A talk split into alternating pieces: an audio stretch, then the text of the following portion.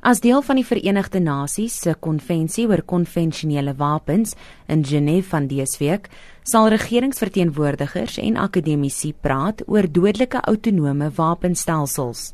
Die direkteur van die VN se Instituut vir Ontwapeningsnavorsing, Jarmo Sariva, Officially it's known as the Convention on Certain Conventional Weapons that may have indiscriminate effects or are deemed to be excessively injurious, but everybody knows it as the CCW, the Convention on Certain Conventional Weapons. Daar is egter baie teenkanting van verskeie groepe, insluitend die Campaign to Stop Killer Robots.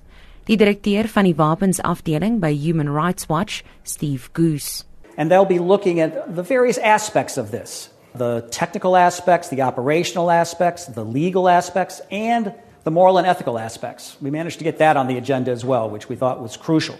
So they'll be looking at all the various components of this and discussing different ways to address it. And this should lead to a decision uh, by the end of the year about whether or not to continue work.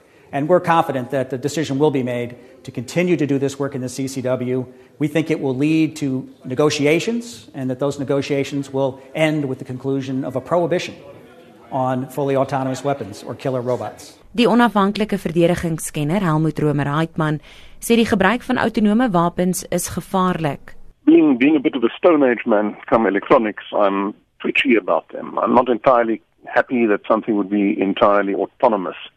It what happens if the software develops a glitch? What happens if somebody can hack into it, which is happening with guided uh, unmanned vehicles, for instance, and the thing goes out of control? How do you get it back under control? How do you know what it's doing? So purely autonomous weapons would worry me a bit. I mean, in a sense, we have them with some guided weapons. You release them, they fire and forget, and even they're a little problematical, and not every country's rules of engagement allow them. So purely autonomous one, it assumes the electronics will always work perfectly. It assumes that the initial decision to, to launch the weapon was based on accurate information.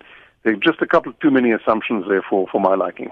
Dit is onduidelik hoe so 'n wapen sou kon werk om tussen verskillende teikens te onderskei. Look, it's going to be difficult. Um, I mean, some things would be, you know, high metal content. Somebody carrying a rifle will look different to some senses to somebody who isn't.